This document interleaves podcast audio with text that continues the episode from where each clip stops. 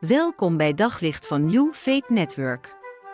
Luister elke dag naar een korte overdenking met inspiratie, bemoediging en wijsheid uit de Bijbel en laat Gods woord jouw hart en gedachten verlichten. Jezus en ook Paulus zijn heel scherp als het gaat om rijkdom, over geld.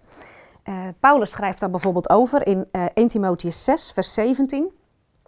Draag de rijken van deze wereld op niet hoogmoedig te zijn en hun hoop niet in zoiets onzekers te stellen als rijkdom, maar op God, die ons rijkelijk van alles voorziet om ervan te genieten. Dus hij zegt, rijken, zorg ervoor dat je niet hoogmoedig wordt. En ik denk dat dat heel snel gebeurt, dat je iets meer voelt, omdat je meer bezit, een groter huis, grotere auto. Hoe snel word je daar hoogmoedig van? En ook, eh, en dat is vooral wat hij hier ook zegt, omdat je daar je vertrouwen in stelt. Je denkt dat je met je geld alles kunt kopen. En je kunt ook veel kopen met geld, maar uiteindelijk kun je natuurlijk geen vriendschap kopen. Je kunt geen, ja, um, de, hele, de hele diepe dingen van het leven kun je niet kopen. Je kunt wel huis kopen, maar geen thuis, want dat vraagt andere dingen. En ook Jezus zegt daar heel veel over in Matthäus 6 bijvoorbeeld, in de bergreden. Lees die maar eens na. Daar zegt hij bijvoorbeeld, je kunt geen twee heren dienen. Je kunt niet God dienen en de mammon. En die mammon staat ook voor de God van het opgestapelde bezit. Het, die drijf eigenlijk om alsmaar meer te hebben. Dat is waar de Bijbel zo scherp op is. En waarom? Dat zegt Jezus ook. Hè, omdat je je vertrouwen erin stelt.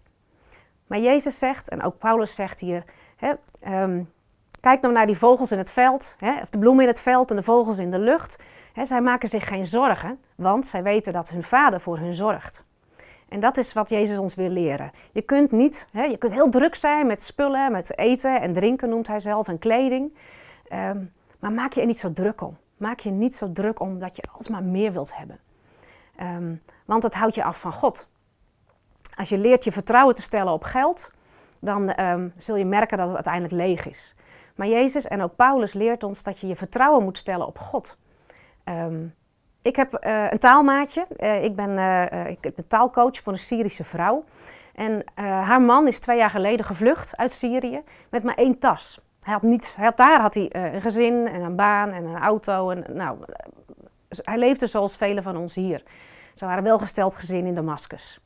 Maar door de oorlog moest hij vluchten. En alles wat hij had, ja, was eigenlijk niets meer waard. Eén tasje en op de vlucht naar een nieuwe toekomst. En nu ik haar leer kennen, denk ik ook van ja, wat, wat zou ik hebben meegenomen? Hè? Wat is nou uiteindelijk uh, de waarde van al je spullen en je bezit? Uiteindelijk kun je er niets mee kopen. En nu bouwen ze weer een, een nieuw bestaan op. Maar wat zij mij laat zien, en wat ik ook leer van Paulus en van Jezus, is dat je niet moet vertrouwen op je bezit, maar vertrouwen op God. En Jezus eindigt die bergreden ook met: zoek nou eerst het koninkrijk van God en zijn gerechtigheid. En al het andere wat je nodig hebt, zal God je geven. En dat vraagt dat je vanuit een heel ander perspectief kijkt naar je leven. Dat het niet gaat om alsmaar meer bezit vergaren, maar dat het gaat om het bouwen van het koninkrijk van God. En vertrouwen dat God je geeft wat je nodig hebt.